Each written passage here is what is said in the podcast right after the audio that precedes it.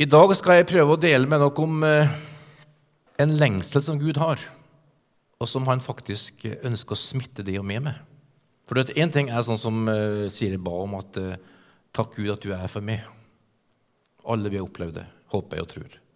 Vi har møtt Jesus, du har tilgitt meg. Du har, du har gitt meg et nytt liv. Du har, du har tilgitt meg synd. Jeg kan ha god samvittighet, jeg kan ha fred, jeg kan ha håp. Jeg kan møte deg en dag, og du er med meg alle dager. Men så på veien her da, så gjør Gud en ting som gjør at vi begynner å bli opptatt av Han og hans lengsel. Og det er, det er, fantastisk. For da begynner vi å operere i en, i en, greie som er helt annerledes enn det som eh, er, er vanlig. I vår kultur er det snakk om meg og mitt og hva jeg vil og jeg kan. Men eh, så driver Gud da og reiser opp et folk som eh, begynner å snakke om han og han vil. Så når, hun, eh, når hun Pia delte sitt vitnesbyrd her i dag, så, så hører du en stemme fra ei som har gått en da, Fra å være tenåring blant oss og bare merker at hun har møtt Gud, og så begynner Gud å bruke henne. Annen kultur, annet språk, be for mennesker og bety en forskjell.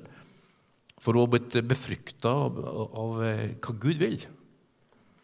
Og Det der har veldig mye å si for vår frimodighet. da. Skal vi se hvordan det her går. Du vet at, eh, at Hele dilemmaet med det her er jo at Gud har alltid ønska å bo sammen med mennesker. Han har alltid ønska det fellesskapet med oss. Det, det, er jo sånn, Du er skapt du, for at du skal ha fellesskap med Jesus. Så hvert menneske er skapt for å kjenne Gud. Eh, så det ligger i vår natur. Derfor så finnes det religion og tilbedelse og tempel og alt det der over hele verden. For at mennesket er skapt for å ha fellesskap med Gud. Og så, og så skjedde da det som vi vet, at, eh, at fellesskapet ble brutt. Og, og, den tragedien som står i 2. Mosebok, kapittel 19, der folket skal møte Gud. Og bare, De blir møtt med Guds hellighet og, og røyk og ild, og folk bare får en frykt for Gud, der de får den identiteten. Gud er utilnærmelig, Gud er utilgjengelig, Gud er hellig. Vi er bare mennesker. Så det er et stort gap som er umulig å nå over mellom Gud og oss. Og så lever de i hundrevis av år i denne opplevelsen av å ikke strekke til, ikke få nå opp til Guds standard og Guds ønske. Og de bare går med denne skyldfølelsen, mangel på kraft, mangel på evne til å gjøre Gud fornøyd. Og det er en sånn bør av tyngde og av utilstrekkelighet og forventningspress og åk på menneskene. Men så kommer det sånn en glimt. da. Her er et glimt som Jeremia kommer med 600 år før Jesus var født, og sier en dag skal jeg få en ny pakt. Jeg skal legge loven i hjertene, og folk skal få lov til å erfare at, de, at jeg er deres Gud. Det skal være mitt folk. Og ingen skal lenger undervise sin neste og si 'Kjenn Herren'. For alle skal kjenne meg, sier Herren. Både små og store. For jeg vil tilgi skylden deres og ikke lenger huske synden. Dette er altså et sånt håp som bare er fantastisk, som de fikk og som du og jeg har fått lov til å erfare. Halleluja! Eh, og det her er stort, altså. Det her er, det her er fantastisk. Og så skjer da det her at Jesus kommer, og så sier Johannes da at ordet ble menneske og tok bolig blant oss. Og vi så hans herlighet, den enbårne sønn, har fra sin far full av nåde og sannhet. Altså Denne revolusjonerende erfaringen av at Gud sjøl kommer ned og tar bolig og blir som menneske, det, det er så revolusjonerende for alle som vet sin egen skrøpelighet, synd, urett, som gjør at Gud er så hellig og utilnærmelig at jeg har ikke en nubbesjans. I møte med Gud så blir jeg bare eh, ingenting. Jeg dør, for han er hellig. Mens det motsatte skjer. Gud kommer til oss i stedet for at vi prøver å komme til Han. Og så får de oppleve det her fantastiske at Guds herlighet kommer og han viser hvem han er, og han er full av nåde og sannhet. Men eh, folk tålte ikke det. Så Jesus ble anklaga for blasfemi, for han gjorde seg sjøl til Gud. Han var jo Gud. Kunne ikke være noe annet. Men, men, det var så utenkelig at et menneske som så ut som bare et menneske og ikke noe annet, kunne, kunne representere Gud, at det var det samme som å be om å bli drept i den kulturen der. Fordi at skillet mellom menneske og Gud var helt ugjenkallelig og uten mulighet for å bøte på. Men Jesus sier den som har sett meg, har sett far. Og han ender opp da med å bli dødsdømt. Og resten vet vi jo. Han eh, helbreda. Han laga vin av vann og laga storfest. Han hadde full av glede. Han helbreda tusener eh, som var syke. Han metta tusener som var sulten. Han til med vekte opp folk fra døden. Det siste tegnet på at han var Gud, Lasarus. Likevel så ville ikke folk ta imot han. Fordi at menneske og Gud er uforenlig. Likevel så måtte han bøte for livet. Men halleluja Døden kunne tåle han. Da skjer det sånn at Jesus levde av det livet her. Og så skapte han en hunger til forandring der han sier at uh, den som drikker av meg, skal få oppleve et liv uten presset og forventninger fra mennesker som styrer, fra alle kravene. De skal få oppleve denne store transformasjonen, og at livet kommer herifra. Livet kommer innenfra. Livet veller opp fra vårt indre. Det er slutt på at presset, kravet, forventningene skal, skal styre mennesket. Nei da, det skal skje en ny tid der mennesket får erfare mitt liv, og det kommer ifra vårt indre. Skal det komme elver, bekker, kilder som bare veller fram, sterkere enn alt annet. Og det er en revolusjon. Fantastisk revolusjon. Og så får vi erfare Jesu oppstandelse. Døden kunne tåle han. Så når jeg sier 'Jesus er oppstanden', så svarer dere Ja, han er Sannelig. Det er skikkelig gammeldags, da. Men det er godt sagt. Men han er, han er, han er oppstått. Han lever. Og Det er den hilsninga som, som, alle kristne til alle tider fra, fra Jesu oppstandelse har sagt til hverandre, og som vi skal begynne å si når vi møtes. Jesus er oppstått! Det er lov å si det med litt overbevisning. Det er ganske det er sterke ord, altså. Tenk at det å si det, det du bekjenner det, og du bekjenner at dette er ditt, ditt eh, egen bekjennelse, så vet du at når hans liv er ditt liv, så vil aldri døden få siste ordet i ditt liv. Det er fantastisk. Så det å bekjenne det her er, er stort. Vi må gå opp her. Og så må vi skikkelig bekjenne. La Trondheim høre. Jesus er oppstått! Ja, han er det. Døden kunne tåle han. Døden ga, måtte gi avkall på, på dødens eh, krefter. Han, det står at han tok nøklene til dødsriket. Så Nøkler er det som åpner opp. Han tok dødsrikets nøkler og så tok han ifra Satan og sa de her tilhører meg. Og Så åpna han opp dødsriket og sa nå kan alle mennesker få erfare evig liv. Halleluja! Det er ikke rart vi er de mest happy, håpefulle, glade folka i verden. Eh?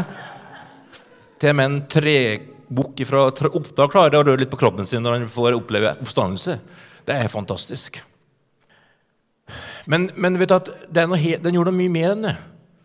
Han, han gjorde det her fantastiske i, i, i, livet som du og jeg har fått oppleve, nemlig at fra å leve ut fra ytre krav og forventninger og push på å bli bedre og flinkere og raskere og litt mer sånn og litt mer sånn, så får vi oppleve å bli født på ny.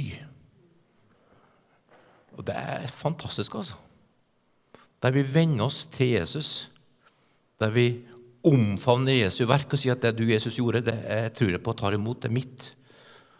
Og så lar vi oss bli begravd, dåp i vann, helt under, siden den gamle legger vi av, oppreist et nytt liv, full av Den hellige ånd. Det er et mirakel. Det er fantastisk.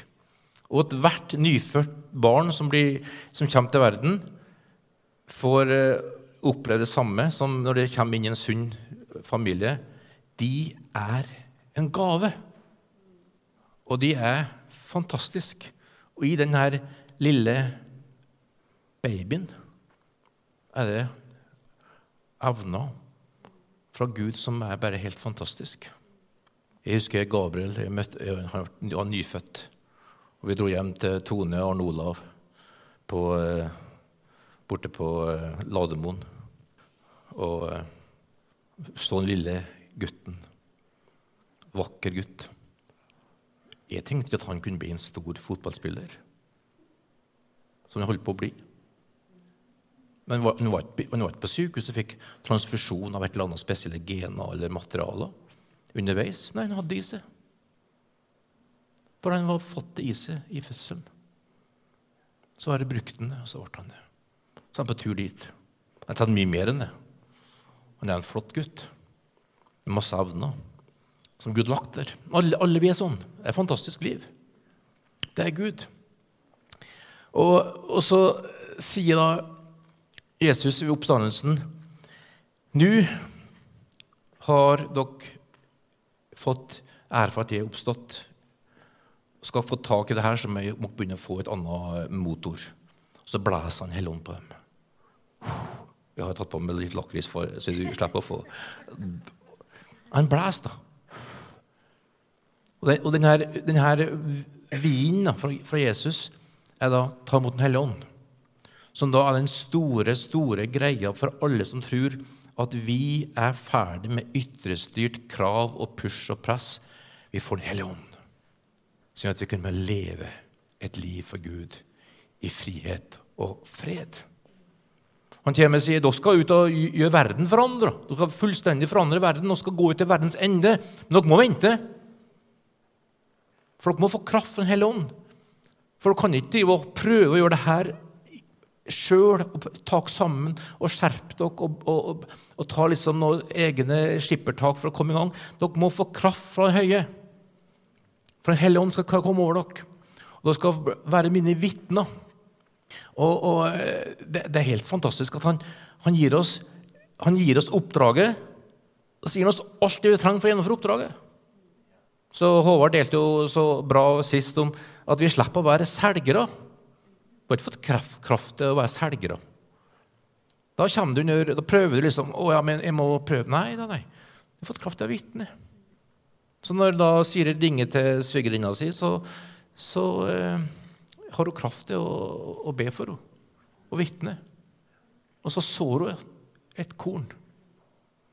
Så Siste uke når vi var i Vesterålen, så møtte vi ei, ei eldre dame som har hatt masse såkorn i livet sitt.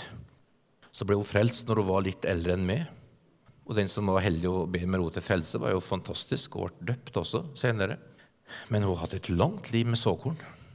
Sånn er livet. Det er befriende å være et vitne. Jeg er et vitne. Skal vi si det? Jeg er ikke en selger. Jeg er et Jesusvitne. Er ikke det deilig å være det? Ah, hvordan gikk det med salget? Nei, jeg vet ikke. Jeg har ikke solgt noe. Jeg har bare vitna om Jesus. Og han risikerer å ta det ordet som du og jeg sier, og så risikerer han å skape en hunger, en lengsel, en overbevisning. Noe som gjør at folk om ei uke, om et år, om ti år, hun av oss, sier 'Jeg må ha tak i Jesus'. Befriende. Og så skjer det, det fantastiske når vi får Den hellige ånd.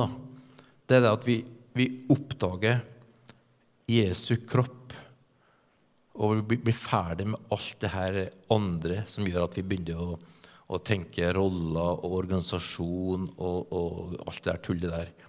Men du får lov til å se at du er født inn i en kropp. Og det der er, det der er en revolusjon, altså.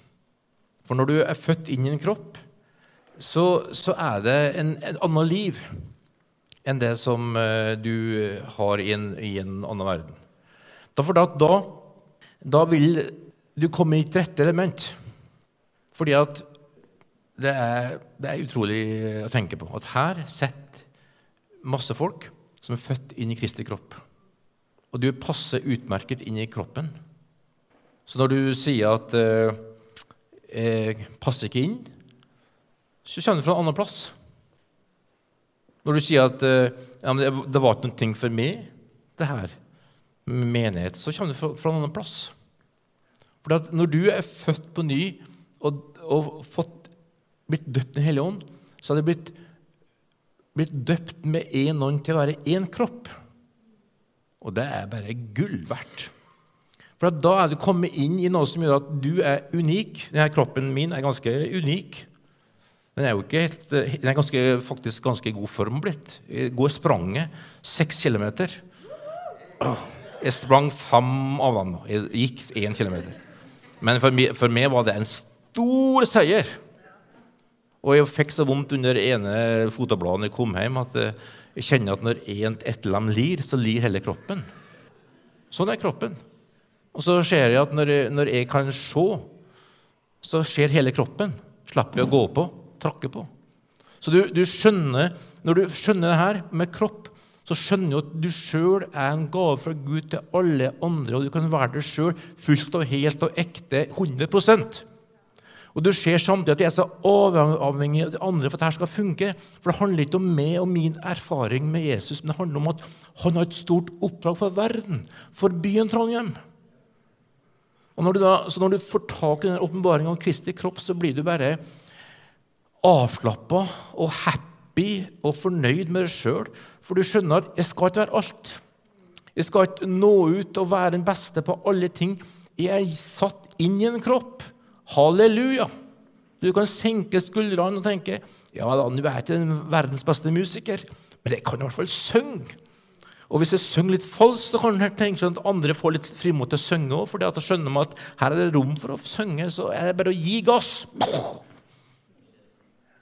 Fordi at du er på en kropp. Og der du kan begynne å, Så skjønner du kroppsidentiteten i Jesus, så begynner livet å blomstre. For Da begynner du, spør ikke du ja, men eh, hva forventes av meg her. Hvilken rolle skal jeg spille i kristent fellesskap, f.eks.? Vet du? Du har ingen rolle å spille. Du har én ting å gjøre. Bli full av Hellig Ånd. Så begynner la Den hellige ånd komme herifra. Kanskje du gjør noe helt nytt. Kanskje du har noe fra Herren som ingen andre har tenkt på, men som bare Gud har plassert i det akkurat her. Som du skal begynne å leve ut, og så begynner folk å oppdage Wow! Kanskje det er det vi skal gjøre? Og det der er bare et fantastisk liv, altså. Fordi at uh, Gud driver og setter sette sammen lemmer på en kropp som skal uttrykke Kristus i Trondheim by. Og det det å være med på det er fantastisk. Og du risikerer å få lov til å å være med og skrive kirkehistorie i byen vår. Så, så la der tankene om passe inn, hva skal forventes av meg, hva skal jeg gjøre Bli mindre opptatt av den der horisontale, ytre greia. Begynn å bli sterk i Gud. Begynn å bli full av Hellig Ånd. Begynn å bli kjent med Jesus, slik at du kan begynne å komme herifra. Del.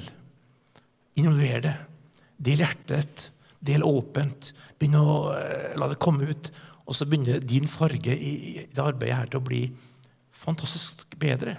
Vi skal ikke ha en smal, uniformert sak som finner plassen vår og er tilpasningsdyktig og blir flink til å være til hensyn til alle og bli smal, smal og små og, lite og puslete. Nei, vi skal være et stort folk. En kraftig kropp med helse og liv og trøkk og framdrift. Vi er en hellig ånd for å bruke oss. Det er, det er gull, det her, altså. Og så står det noe fantastisk. Det står altså der at gjeldsbrevet mot oss sletta han på korset. Så tenkte jeg at det eh, er mange her som er gjeldfri. Du vet, Hvis du er født, hvis du er et menneske i Norge, så er sjansen for at du har gjeld, ganske stor. Og Jeg skal fortelle en hemmelighet. Jeg opplevde å betale 13,25% i rente på boliglånet lånet mitt i ganske mange år. Og Det er en annen enn 2-3% altså. Og da hadde jeg sykepleierlønn og jobba knallhardt for å holde hodet over vannet. Og når vi hadde, gikk ned fra 10,3 til 9,9% rente Jeg tror det var rundt 1990, ja, et eller annet tallet. Så gikk vi og feira med en softis og en kopp kaffe. Det var stort. Så gjeld tynger. Gjeld skaper press. Gjeld skaper skape ting som gjør at du eh, merker handlefriheten er borte. Så, eh, så ja. Gjeld er noe som alle mennesker ofte har opplevd i, i livet sitt. Og som da Paulus bruker å si at gjeldsbrevet er oppheva. Halleluja! Og du vet at Noen går og betaler gjeld fortsatt, selv om lånet er ferdigbetalt. Jeg har en mor som ble dement, så hun ble gjeldfri. Men hun begynte å betale lån på et lån du ikke hadde. når hun ble demens. Jeg må si nei da, mor, jeg har styring på økonomien din. Du er gjeldfri. Ja, men Terje, du vet, hun har bygd hus da hun var noen og 30. Og hun har hatt gjeld da i masse år. Så når hun ble dement, så begynte hun å leve i gjeld, gjeldsopplegg. Jeg måtte si til ham nei da, mor, du, du er så rik. Du er gjeldfri. Du har pensjon, du har enkepensjon etter en rektor, du, har, du, har, du vasser penger. Ja, men Terje, du vet at jeg er så Nei, du er ikke Du, du er rik. Du kan, bruke, du kan, bare kjøpe det du vil. Det gikk litt tid for å oppdage det, men så tok han busstur til et sånt kloster på Vestlandet og følte seg som en rik person. Wow! Men vet du og jeg, vi er gjeldfrie. Vet du? Når kravet Ja, men jeg burde gjort sånn. Nei, nei, nei. Ja, men de forventer Ja, ja, ja. ja. Men jeg har ikke gjeld til noen. Jeg. Du er gjeldfri. Du kan lese resten av Kolosserbrevet 2. Les gjerne hver dag. Det står det, det, ny månedag, høytider, alt som folk burde, skulle gjort og vært med på, og du burde sannelig, du bør egentlig Vet Du du slipper å leve på 90% og 70% og 40% av det du har kapasitet til. Gud kjenner det, han har skapt det, han har forma det, han vet livet ditt. Han vet at du kan levere 100% hver dag på alt han er bedt om, og alt annet kan du få lov til å ligge og si nei. Jeg er fri. Halleluja! Oh, for et trøkk! For et overskudd! For en, for en, for en energi som blir frigjort når vi slutter å betale gjeld på folk som ikke har noe gjeld å kreve av oss. Vi har ingen, ingen eh, som har noe krav på oss. For vet du, vi er kristne slaver. Ha-ha-ha. Ho-ho-ho. Jeg er slave til Jesus. Han som bestemmer. Han bestemmer alt. Jeg har ikke en eneste sekund igjen av selvråderett. For jeg tilhører en annen som prisen er kjøpt av han, og han har betalt prisen, så jeg er faktisk, jeg faktisk eh, ikke meg sjøl lenger. Jeg er ikke meg sjøl lenger. Da har du ikke noe krav på meg heller. Du må gå til Jesus. da. Kravene er han, han som er med. Så har du noen krav, så må du gå til han. Åh, det er fantastisk. Og der er du. Der er jeg. Derfor er vi fulle av trøkk, energi, overskudd og og sier ja, ja, nei, nei, ikke kanskje, muligens. Jeg skal bare kjenne litt på hvor sterkt trøkk og press jeg føler i det her nå. Nei da. Ja, nei. Ja, nei. Ja, nei. Ikke det grove forventningspresset. For det er ikke Herren. Det er ikke fra Gud. Vi er fri, det der. Og han, står, han, han stilte åndskreften naken fram i spott og spe da han viste seg som seierherre på korset. Altså, det var ikke sånn nesten-seier, at det så vidt det gikk i mål. Vet, vi som er supportere for et visst lag, vi har jo veldig forventning til morgen, at det kanskje, kanskje kan gå. Men det er ikke sånn Jesus seira. Han seira fullkomment. Absolutt. Helt fantastisk. Så akkurat nå når vi forkynner, så la Helligånd ta til det. Så slutter du å betale gjeld. Beslutt å betale gjeld til alle burde, skulle måtte. Forson deg med alle som ikke er fornøyd, og si jeg kan ikke nå opp til det du ønsker. jeg kan ikke leve opp til det. Jeg legger det dødt. Og så er du fri. Og så begynner du å leve herfra. På Helligånd. Det er et utrolig godt liv. Og så skjer da den revolusjonen som vi kjenner fra pinsedag. Som da er det fantastiske at rollelivet, hvilket navn du har, hva slags slekt du er fra, hva slags utdanning du har, posisjonen din avgjør. Nei, nei, nei, nå kommer et nytt liv. Det er alle fronten. Kvinner og menn. Gamle og unge. Fattige og rike. Alle får Den hellige ånds gave utøst over alle mennesker. Så du er med på det mest eh, fantastiske likestillingsprosjektet i verden. Når du er med i Guds menighet, i Guds kropp. For, det, Den hellige ånd er over alle mennesker. Så hele det her, det her mellommenneskelige mellommennene, som, kvinnene som står mellom Gud og oss i ulike valører og farger og, og greier, det er forbi. Alle fra Gud. Så når vi kommer sammen, så tilber vi Gud, vi priser Gud, og vi forventer at, at alle har noe å bringe. Og Du kan risikere å høre Guds stemme gjennom en 15-åring. Like mye som en, eh, en som har et ansvar i menigheten. Og Gud har en tendens til å gjøre det så mye at vi aldri glemmer at Hans ånd er utøst over alle mennesker. Så leser du kirkehistoria, så vil du finne at det ofte var Lestadius ble døpt, døpt i Den hellige ånd av ei jente som var slutten av tenåra. Ser du hvordan Gud brukte hauganismen, så var det ofte de fattige, ofte kvinner som var full med Helligånd og frimodig. Fordi at Gud alltid ønsker å si til sitt folk det har ingenting med status, ingenting med utdanning, ingenting med noe annet å gjøre enn at alle mennesker får en hellig ånd som tørster etter en hellig ånd. Halleluja. Og så sier jo Efesere at fiendskapet er drept, så vi tilhører ikke lenger Adam. Vi kommer inn i Kristus. Så vi er i Kristus. Adam er der gjeldsslavene opererer, som alltid lever under gjeld. Den største gjeldskreveren er døden, som kommer med frykt. Mens vi er kommet inn i Kristus, der gjeldsslavenes tid er forbi, der gjeldsbrevet er over, og der vi har håp for framtida og vet at til og med døden er bare en overgang til noe annet og bedre. Halleluja! Åh! Jeg, blir jeg, tar det tro til meg sjøl nå. Jeg blir begeistra her. Det er jo fantastisk, det vi har fått. da. Så den revolusjonen som du er med på, da, det, det bare la det synke inn. da. Du er ikke med i noen noe organisatorisk greier som kanskje kan bli en ting. Nei, du er med i Kristelig kropp, som skal virkelig forandre verden. Og, og eh, skal jeg si litt bare kort fra slutten her om, eh, om diakoner, som vi hadde snakka om i og med at vi skal ha diakoninnsettelse snart. Når folk kommer seg. Og det er et godt eksempel da, på at i menigheten, og i folket, så begynner folk å tjene. Og så, eh, og så står det at du skal velge ut diakoner fordi at de skal ha et godt ord på seg, og så skal de være full av ånden og visdom. Og så skal de selges tjeneste. Så Det er den fine med den måten her gjør det på. Det kommer fra kroppen. Det kommer fra folket som Gud fører på ny.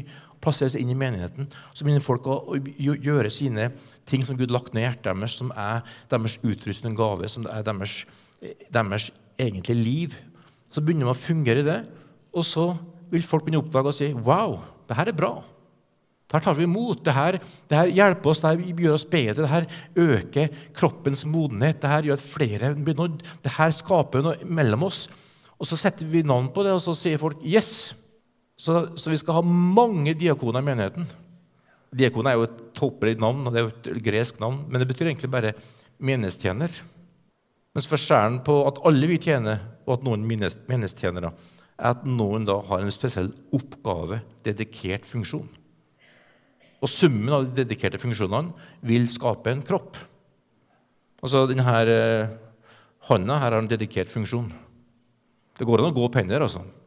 men det, er ikke, det må trene godt. Og det er, noe, er, ikke noe, som passer Du kan, du kan gå fort, og du blir veldig sliten, og, og gjør du veldig mye, så kan du sikkert få skuldertrøbbel for livet.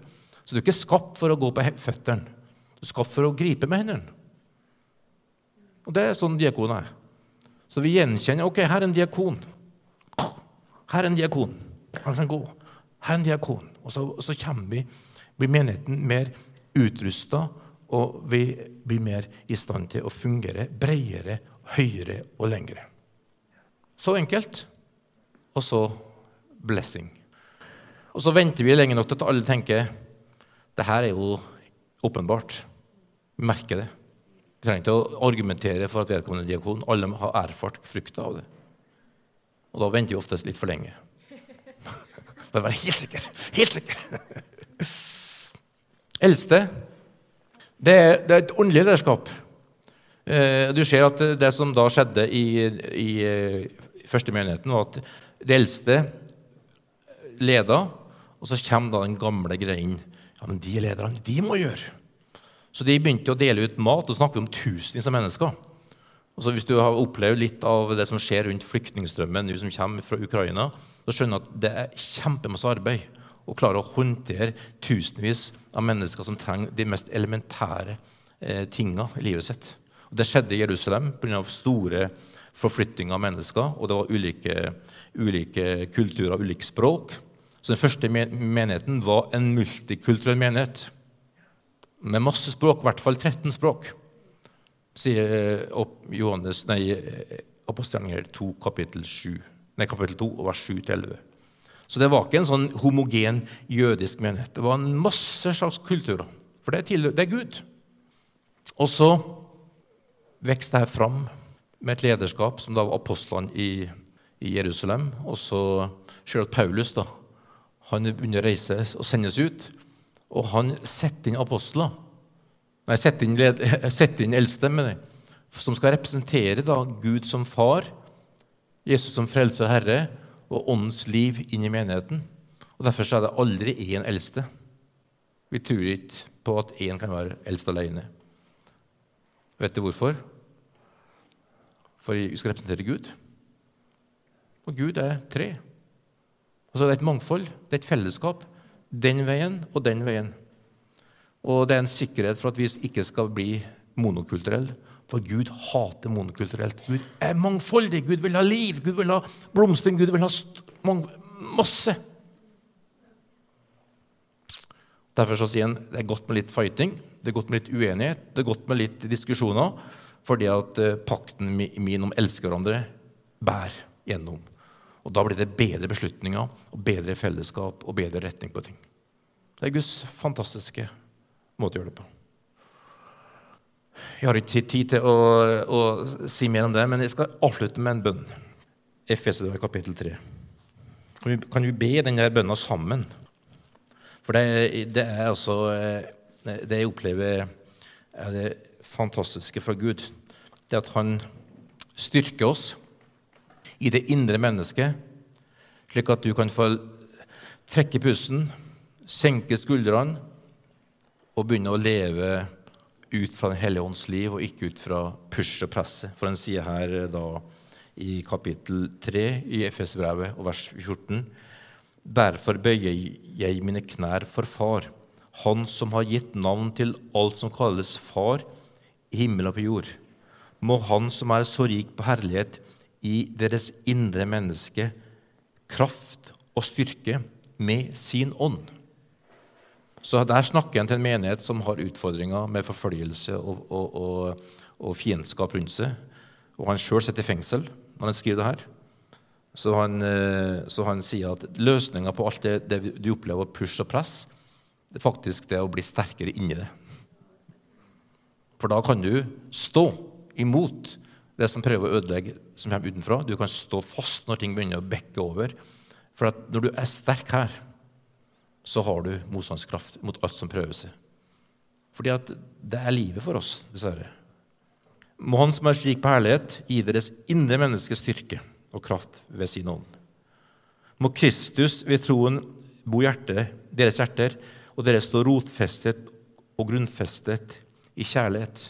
Den andre sida du blir så sterk i Kristus at du står med røtter, Slik at når vinden kommer, styggværet kommer, når omstendighetene er vanskelige, så står du. Det er en god ting. Og så er det tredje aspektet. Må dere sammen med alle de hellige bli i stand til å fatte bredden og lengden, høyden og dybden, ja, kjenne Kristi kjærlighet som overgår all kunnskap.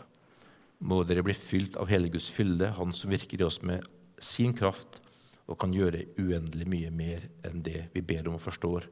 Ham være ære i Kirken og i Kristus Jesus gjennom alle slekter og evigheter. Amen. Så det å fatte Kristus sammen gjennom at vi er en kropp, det er en, det er en fantastisk ting. Så eh, vi lever i ny tid. Vi lever i en tid Den hellige ånd utøst. Vi hører vitnesbyrd. Vi, vi hører Pia sier. Jeg ser den reiser rundt omkring. Den hellige ånd kommer og øses ut mer og mer, for Gud veit den tida vi lever i, så trenger vi styrke. Vi trenger indre kraft. Vi trenger å ha røtter som gjør at vi ikke blir kasteballer for omstendigheter. Vi trenger å, å, å, erfare kjærligheten til Gud og hverandre som gjør at vi holder sammen og kan få enda mer del i et felles kjærlighetsforhold til Jesus. Med høyde og lengde og dybde og bredde. Og eh, alt det der er noe som Gud gir. Han kommer til å si 'nå må du', nå må du, nå må du virkelig. Nå, nå er det. Han kommer til å si 'det her gir jeg det'. Ta imot det. Det er, det er Guds løsning og Guds svar. Og Det er det som gjør at, at du, du, bare elsker han, ikke sant? Han kommer med hele kravspekken, og så sier han 'Her er kravspekken. Her er det du trenger for å gjennomføre det. Halleluja'. Det er Guds vei. Det gjør at det livet med Jesus er fantastisk. Så hver gang du opplever en ny, ny runde som oppstår i livet, så vet du Gud kommer med nåde til å klare det. Gud kommer med nåde til å komme gjennom det. Fordi at han er full av liv. Og Den hellige ånd her inne er større enn presset på utsida.